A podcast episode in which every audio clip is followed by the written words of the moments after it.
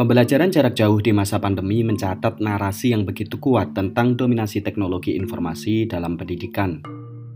Selama pandemi, teknologi di satu sisi membuka kesempatan yang sebelumnya tidak terpikirkan akan begitu masif dilakukan. Sebagai contoh, kelas luring. Di sisi lain, muncul keprihatinan akan dampak negatif penggunaan secara dominan teknologi informasi dalam kelas luring bagi perkembangan anak, terutama di tingkat pendidikan anak usia dini.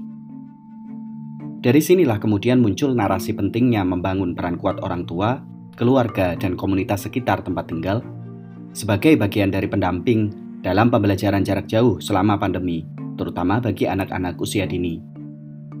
Lalu, seperti apa peran orang tua, keluarga, dan komunitas yang dimaksud? Temukan di episode kali ini. Jadi kalau ngomongin tentang teknologi di masa pandemi, saya pun kayak sebenarnya ngerasa bahwa uh, beberapa banyak sektor atau beberapa kegiatan itu rely on teknologi seperti di papan tulis uh, waktu pandemi sekarang di papan tulis belum pernah ketemu sama sekali uh, dengan beberapa kawan ngobrol dan semuanya dilakukan secara secara jarak jauh. Um, kalau melihat peran teknologi itu salah satunya yang paling kencang sekarang adalah di bidang pendidikan ya Pak Yudi. Betul sekali Mas Anari. Jadi eh, pandemi ini merubah semua aspek kehidupan kita, baik itu sosial, ekonomi, ya, termasuk di pendidikan gitu. Jadi eh, lazimnya pendidikan itu dilakukan secara hampir secara bertahun-tahun ya menjadi budaya bahwa kita harus tatap muka kemudian kita harus praktek menjadi uh, berupa digital memanfaatkan teknologi. Iya uh, tetapi kalau kita melihat nih um, sebenarnya dampak dari atau munculnya teknologi di masa pandemi kemudian berdampak di uh, pendidikan sebenarnya dampaknya juga irreversible artinya nggak bisa dibalikin lagi ke old normal kita ke, uh, kita masuk ke new normal yang artinya anak-anak yang tumbuh atau uh, katakanlah growing up di zaman pandemi itu kayaknya sudah sudah mulai dekat sekali dengan teknologi ya Pak ya. Ya, jadi inilah yang uh, ada narasi yang beredar di publik pro kontra orang tua ya pro kontra orang tua as a parents kemudian uh, menyikapi pembelajaran uh, daring atau dalam jaringan kita sebut online itu ada pro kontra mereka ter, terpecah menjadi dua. Yang pro tentunya semua uh, concern terhadap kesehatan anak-anak guys kesehatan keluarga dalam covid seperti ini. Mereka tidak mereka memilih ya mereka lebih memilih untuk tidak melakukan pembelajaran tatap muka baik itu secara protokol ketat baik itu secara uh, pengawasan yang sangat komprehensif karena concern utamanya adalah kesehatan. Namun yang kontra dengan pembelajaran daring atau online learning ini yang menjadi uh, common issues di masyarakat. Mengapa? Karena mereka menganggap serapan uh, pembelajaran dalam online itu tidak optimal salah satunya. Kemudian kita bicara narasi yang lain bahwa mereka merasa anak-anak tidak mendapatkan apa-apa. Anak-anak sedang meanwhile ya orang tua tetap harus melakukan kewajibannya dalam melakukan pembayaran uh, uang sekolah dan lain-lain dalam proses pelayanan pendidikan dalam artinya seperti itu jadi pembelajaran daring ini tidak hanya menjadi suatu yang boleh dibilang uh, utama kita tidak bisa kembali ke normal yang lama ya menjadi new normal karena mau tidak mau seluruh dunia menghadapi ini.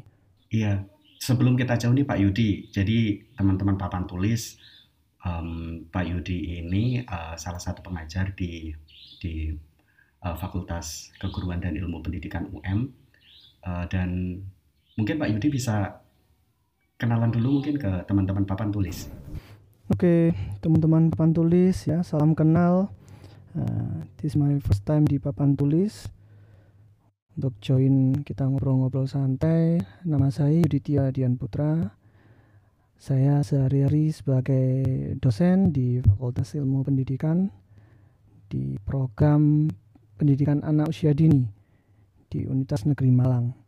Ya, senang sekali diundang teman-teman papan tulis untuk kita sharing bareng di sini. Oke, berarti spesifikasi sebenarnya background dari Pak Yudi sendiri adalah di um, pendampingan anak usia usia dini ya, Pak Yudi. Betul. Jadi untuk background saya lebih ke pendampingan dan manajemen anak usia dini, baik itu kelembagaan ataupun SDM-nya. Nah, dalam perkembangannya kita juga sudah mengarah kepada uh, educator parenting gitu. Jadi semua tanggung jawab tentang tumbuh kembang anak itu seharusnya tidak diserahkan kepada sekolah, tapi dikembalikan kepada keluarga. Iya, menarik Pak Yudi. Jadi uh, tadi kan kita sempat apa namanya bridging di awal-awal bahwa sebenarnya teknologi kemudian pendidikan di masa pandemi itu kayak saling terkait intertwine. Um, saya saya teringat jadi ada salah satu narasi saya membaca di salah satu artikel bahwa sebenarnya pendidikan jarak jauh itu um, mungkin lebih mudah untuk diaplikasikan di um, apa ya tingkat-tingkat tinggi seperti di perguruan tinggi atau katakanlah yang paling apa namanya untuk kelas menengah kali ya yang SMA ya untuk untuk untuk uh, yang baru berkembang itu um, dan di salah satu artikel ini um, um, menyebutkan bahwa sebenarnya untuk anak-anak usia dini itu mengalami kesulitan ketika pembelajaran jarak jauh yang namanya akses teknologi, uh, kemudian um, apa ya namanya, seperti bagaimana operate uh, teknologi itu sendiri, belum juga uh, belum belum apa ya namanya, istilahnya belum bisa control their self kayak gitu Pak Yudi. Itu kalau kalau mendengar narasi seperti itu Pak Yudi melihat uh, apa ya namanya pendidikan anak usia dini di masa pandemi dikaitkan tadi dengan yang namanya peran teknologi di uh, apa namanya di pendidikan selama masa pandemi ini uh, secara garis besarnya. Iya. Jadi kalau di dalam narasi atau opini-opini yang terbentuk di masyarakat, kita itu sudah mengarah kepada ini sebuah sebuah ini ya prediksi ya. Eh, semoga saja tidak ter, terjadi karena ini kita harus gitulah prinsip saya prepare for the best eh sorry prepare for the worst and hope the best gitu. Jadi ada istilah lost gen atau lost generation nah akhir-akhir ini banyak sekali digaungkan oleh aktivis pendidikan anak usia dini ataupun pendidikan-pendidikan yang ada. Karena ini istilah muncul pada pasca perang dunia ke satu saat itu uh, dunia dalam kondisi chaos ya. Jadi kelompok sosial mengalami kebingungan dia dan kehilangan arah pada pada saat itu. Sehingga itu menjadi sebuah efek negatif dampak buruk pada saat itu nah ini kalau kita tarik pada kondisi saat ini uh, almost the same ya banyak sekali efek negatif atau dampak buruk yang dapat terjadi pada anak-anak kita karena terlalu lama belajar online. Salah satunya siswa tidak dapat menyerap materi ya karena pembelajaran daring dianggap tidak maksimal. Gitu. Jadi kalau kita bicara dalam struktur sosial itu uh, kita bicara soal sosial dulu. Pembelajaran online ini sebetulnya peluang. Kenapa? Karena kita tidak mengenal dalam tanda kutip kasta dalam pendidikan lagi.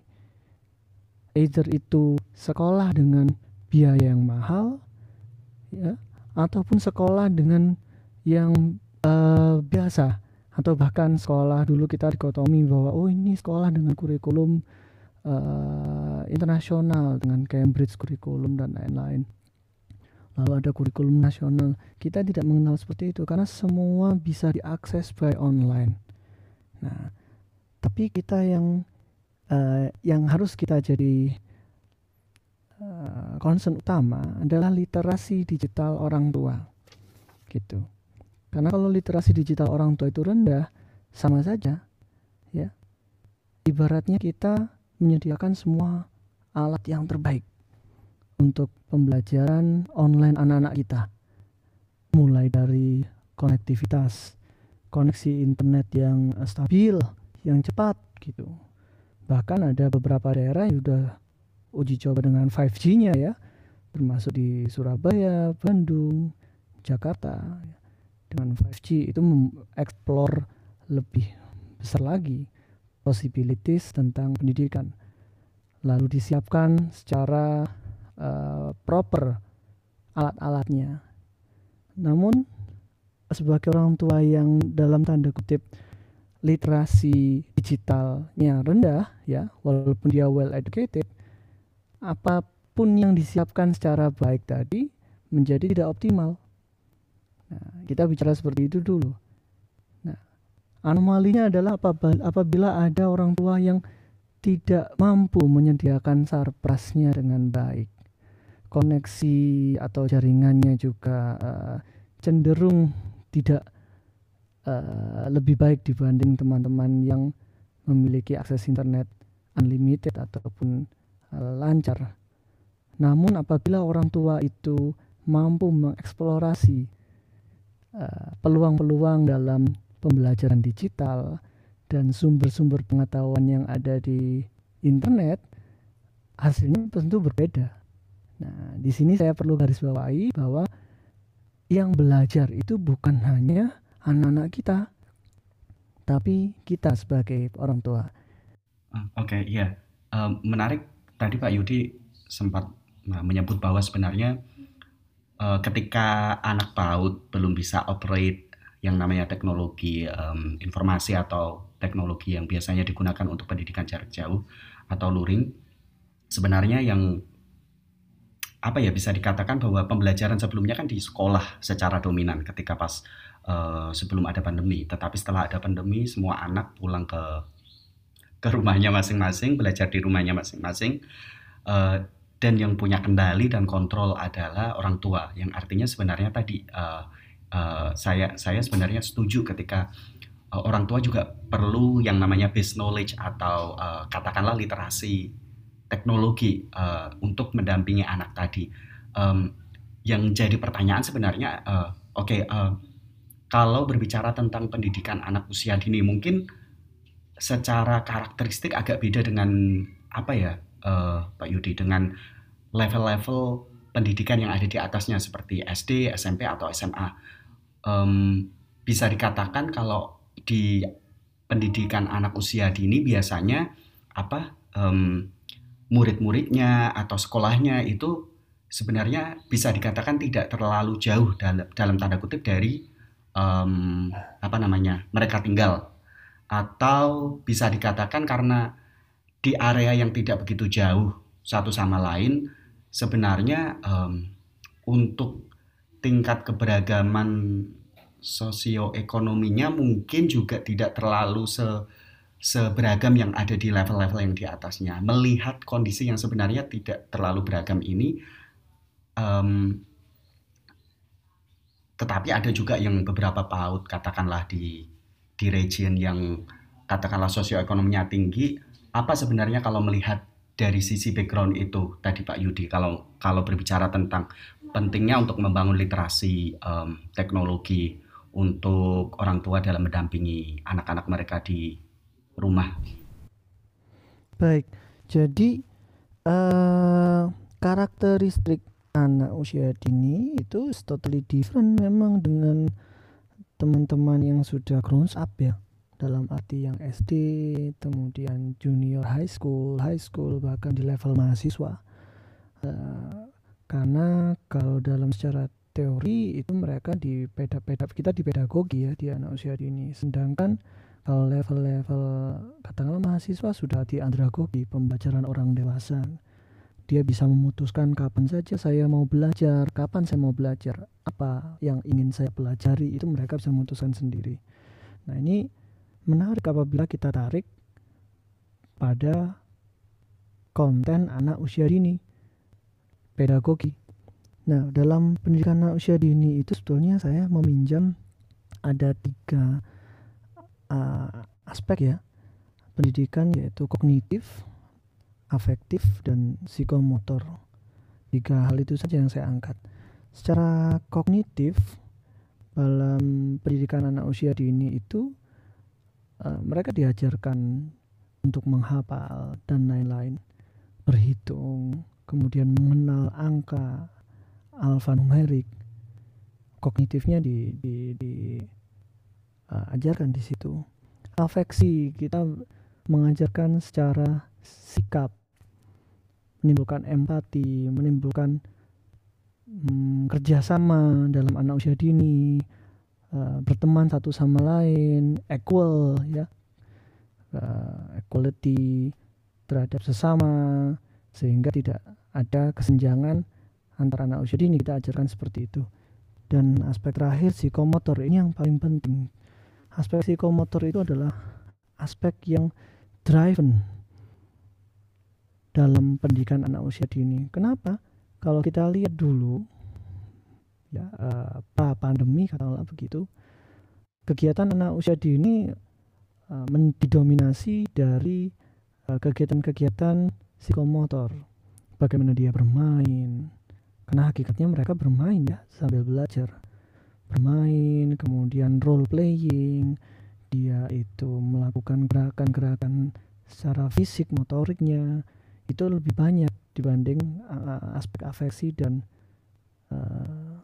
kognitifnya nah sehingga ketika ini dikemas menjadi online mungkin aspek kognitif dan aspek uh, uh, afeksi ya kognitif dan afeksinya masih bisa tersampaikan walaupun pasti tidak optimal. Namun aspek psikomotor itu tidak bisa tercapai. Itu yang pertama dulu. Sehingga pendidikan anak usia dini itu memiliki karakteristik yang berbeda dalam pembelajaran online. Belum lagi ketika di rumah. Ya. Ketika di rumah uh, tidak ada yang mendampingi anak-anak tersebut. Dalam pembelajaran online tentunya uh, anak usia dini harus didampingi. Tapi uh, saya juga tidak uh, menutup mata bahwa ketika didampingi ada orang tua yang bekerja, ya, ada uh, aktivitas lain yang memang menurut prioritas keluarga tersebut lebih utama dibanding pendidikan anak uh, tersebut. Sehingga itu tadi mereka hanya disiapkan infrastruktur disiapkan segala sesuatunya sarprasnya gitu. Kemudian dibiarkan berjalan seperti konsep andragogi kalau sudah selesai nanti tolong dimatikan ya zoomnya dimatikan ya nak. Whatsapp video call dimatikan google meetnya dan sebagainya sebagainya ya begitu ya. Itu yang uh, saya lakukan uh, riset beberapa uh, saat terakhir itu sudah muncul seperti itu. Timbul kejenuhan orang tua dalam menghadapi uh, pembelajaran online terutama di anak usia dini. Sehingga banyak sekali uh, komplain ya banyak sekali komplain dari orang tua mereka akhirnya uh, ingin mendapatkan pendidikan yang lebih untuk anak usia untuk anak-anaknya di level anak usia dini. Nah, di sini sebetulnya kita bisa uh, ada peluang yang muncul apalagi dalam konteks uh, lingkungan masyarakat.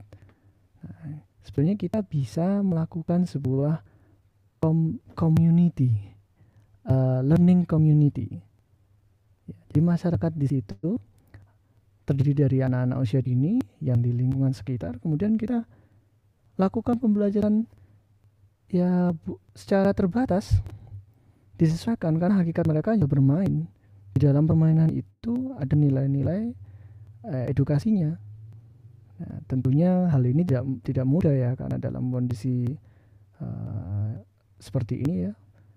Kondisi lockdown kemudian harus berjarak dan satu sama lain. Dalam lingkungan tertentu nggak nggak jalan. Tapi kita cobalah. Kita coba uh, membuka mata sedikit melihat fakta yang ada di masyarakat.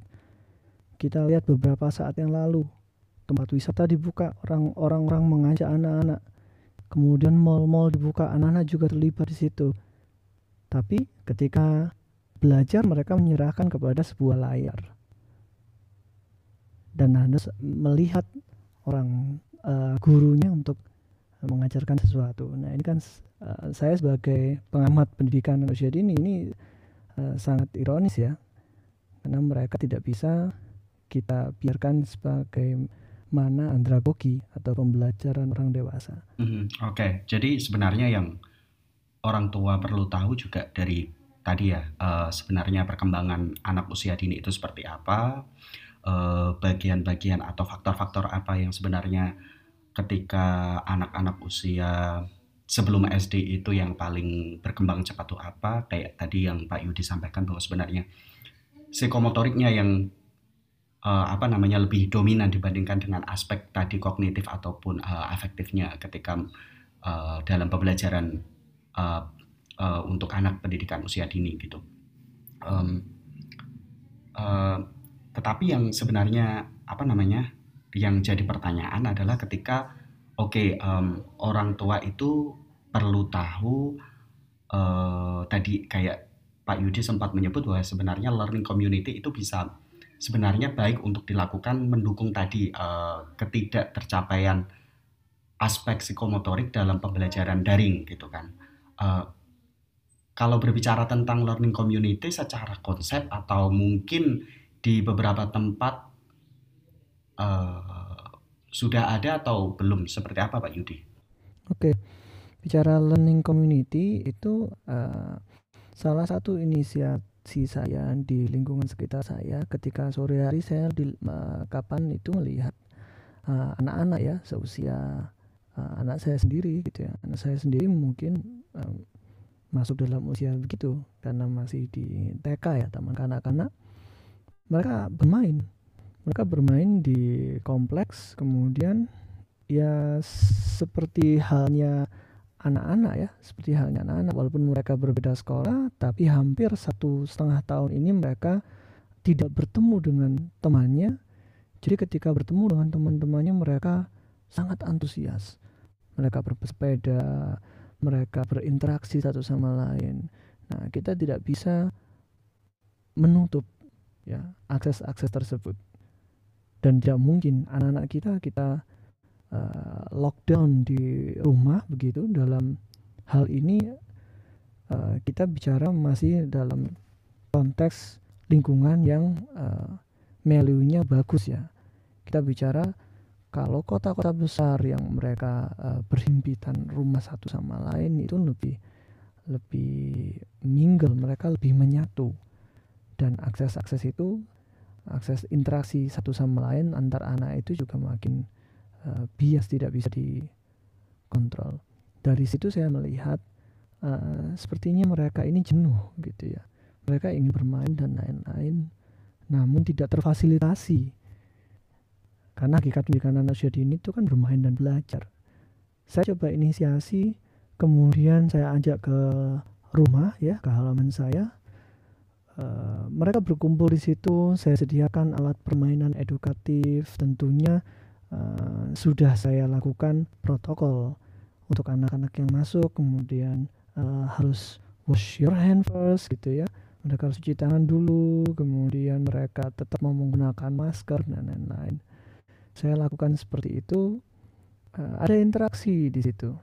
Saya melihat anak-anak uh, role playing, bermain peran ada nilai-nilai belajar, ada sharing, ada berbagi di situ.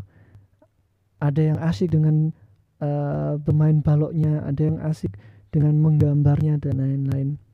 Uh, sampai hari ini saya tetap melakukan seperti itu. Nah, tentunya dengan protokol kesehatan yang memang saya uh, lakukan sendiri ya.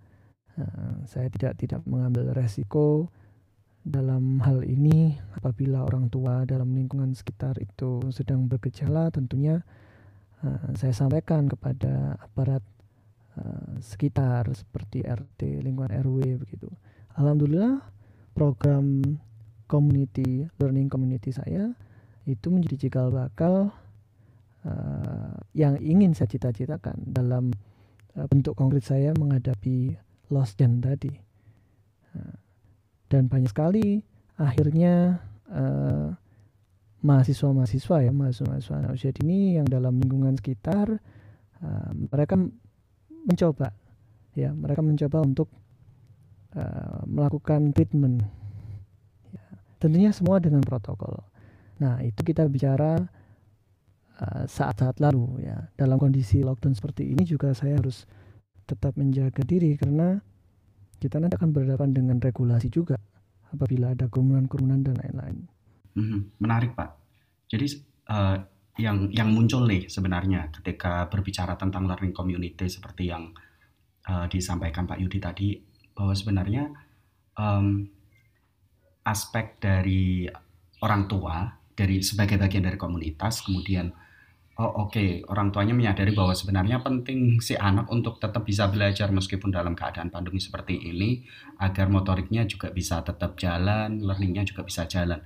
Tetapi di sisi lain ini uh, mungkin berkaitan dengan narasi ini ya Pak, apa namanya antara sekolah sendiri dengan komunitas kan biasanya seringnya nih uh, mungkin ada beberapa narasi yang mengatakan komunitas dengan sekolah itu kayak seperti uh, sendiri gitu loh. Artinya ketika mau berbicara tentang pendidikan anak usia dini jika dikaitkan dengan yang uh, yang ada di sekolah mereka sekolah gitu anak-anak yang di sekolah mereka sekolah artinya sebenarnya uh, penting untuk apa komunikasi antar sekolah dengan komunitas dan orang tua tiga tri, uh, tiga aspek itu tadi berarti sebenarnya menjadi salah satu poin utama untuk membentuk atau me membangun cikal bakal yang namanya learning community atau seperti apa Pak? Hmm. Uh, tujuan utama kita sebetulnya kan berikhtiar ya untuk menghindari yang namanya lost generation ini tadi. Bayangkan uh, kalau ini berlarut-larut seorang anak kita ambil contoh anak TK yang tahun lalu mereka masuknya lewat online. Kemudian mereka lulusnya lewat online. Dan tahun 2022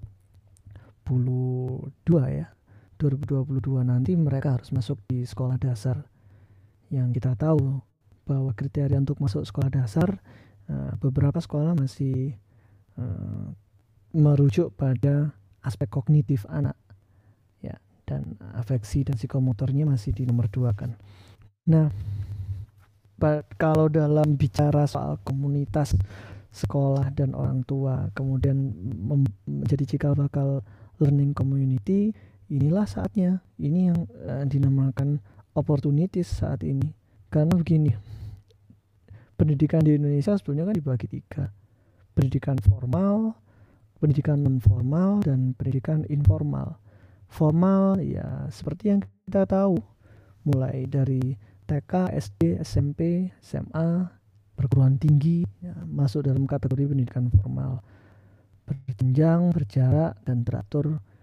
Lalu pendidikan non formalnya adalah sebagai substitusi, pengganti, kemudian sebagai komplement, pelengkap, dan suplemen, penambah dalam pendidikan formal.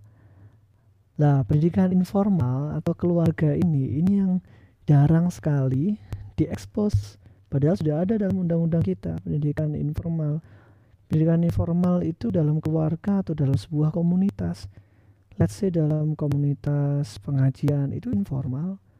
Pendidikan yang ada di dalam rumah, bagaimana orang tuanya, yes, as a parents, uh, they know how to teach everything. Mereka belajar soal hmm, bagaimana mengenal diri dia. Lebih sederhana bagaimana dia kalau bangun tidur dia harus seperti apa dan lain-lain. Itu pendidikan informal di pandemi seperti ini itulah yang harus kita expose. Kita harus explore lebih dalam pendidikan informal itu dan pendidikan non formal karena pendidikan formal sudah tidak bisa mengakomodir apa yang namanya kebutuhan tadi Nah, kalau kita coba pendidikan formal itu hanya diterapkan eh, maaf maksud saya pendidikan formal itu hanya itu menjadi jalan satu-satunya untuk uh, ikhtiar kita nah, ini yang saya khawatir. Efeknya nanti akan uh, muncul 10 sampai 20 tahun lagi boro-boro kita mendapatkan bonus demografi ya secara piramida usia muda kita nanti akan lebih banyak dibanding usia uh, non produktif ini yang akan menjadi uh, masalah ya. I think it's national disaster ini nanti. Apabila masalah pendidikan saja tidak tidak paripurna di sini ya tidak tidak tidak selesai di sini. Nah, jadi community development uh, maaf learning community tadi pengembangannya lebih pada penyadaran orang tua dulu. Ya penyadaran orang tua. Semakin banyak orang tua yang sadar bahwa uh, dia berkewajiban untuk memberikan pendidikan yang layak untuk uh, anak-anaknya maka uh, pembentukan learning community baik itu secara mikro ya di lingkungan sekitar ataupun di lingkungan keluarga, katakanlah dia pasti punya sepupu, ya. Andaikanlah dia punya sepupu. Nah, ketika beranjang sana, dia berkunjung ke rumah uh, sepupunya, ke saudaranya. Nah, di situlah diajarkan nilai-nilai uh, tadi itu afektif, psikomotor, dan kognitifnya. Sebagai orang tua harus mengambil peran itu. Uh, kalau kita coba tarik kesimpulan seperti apa Pak Yudi? Dari tadi kayak uh, misal uh, pendidikan luring, uh, sorry pendidikan daring selama pandemi untuk anak-anak usia dini, kemudian um, ide untuk meng, apa ya namanya mendukung pendidikan formal dengan pendidikan informal yang ada di komunitas, um, gambaran secara secara singkatnya uh, mungkin yang bisa dilakukan oleh teman-teman di luar sana yang memiliki peran uh, tentu tentu memiliki peran masing-masing di komunitas mereka masing-masing. Seperti apa Pak Yudi? Jadi Mas Anwar, ini PR kita bersama. Ya, uh, pandemi ini uh, sudah sangat merenggut uh, apa istilahnya seluruh aspek dalam kehidupan kita, baik itu sosial, ekonomi, budaya, pariwisata, dan concern utama kita malam ini kita bicara soal pendidikan. Jadi harus ada generasi-generasi muda, ya, generasi-generasi muda yang bisa menjadi driver of growth. Ya. Karena apa? Kalau kita lihat bagaimana cara kita menyadarkan uh, orang tua, bagaimana kita menyadarkan keluarga kita bahwa pentingnya pendidikan di anak usia dini tidak hanya berbatas pendidikan formal yang saat ini dikemas dalam pembelajaran daring. Nah, ini yang akan menjadi tugas utama kita. Nah, sekarang kita bicara soal uh, penetrasi digital. Dalam penetrasi digital, saya yakin ya dari data sudah jelas 75% Indonesia sudah ter cover ya coverage areanya sudah tercover internet gitu. Namun apakah uh, teknologi atau internet tersebut mampu diaplikasikan dalam hal ini orang tua untuk tumbuh kembang anak tersebut anaknya gitu. Nah, di sini saya mengencourage teman-teman yang lain ya, para pegiat dan teman-teman papan tulis di uh, konteks pendidikan untuk berusaha menyadarkan dari diri kita sendiri bahwa pendidikan itu tidak hanya di pendidikan formal saja yang saat ini dikemas dalam on online learning ini sistem tapi bagaimana kita bisa memberikan pendidikan dengan cara informal ataupun non formal seperti learning community tadi yang saya sampaikan. Nah, sehingga nanti harapannya ketika kita balik ke dalam new normal ya apa apa pun itu yang akan dikonsep oleh pemerintah baik itu secara online tatap muka full kembali seperti dulu atau hybrid learning kita tidak gagap lagi karena anak-anak kita terutama di anak usia dini sudah terbekali ketika dia menginjak ke jenjang pendidikan yang lebih tinggi lagi mereka bisa uh, catch up dengan baik Nah, itu bagian dari ikhtiar kita.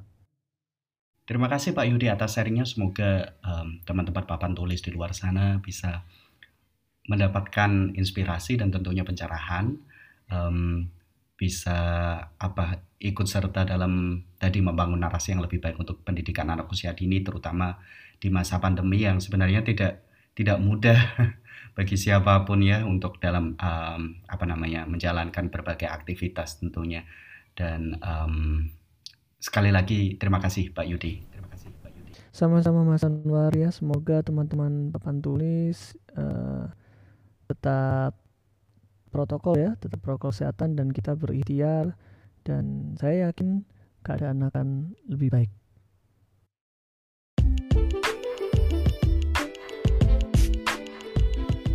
Terima kasih telah mendengarkan dan ikut serta membangun narasi pendidikan yang lebih baik lewat papan tulis.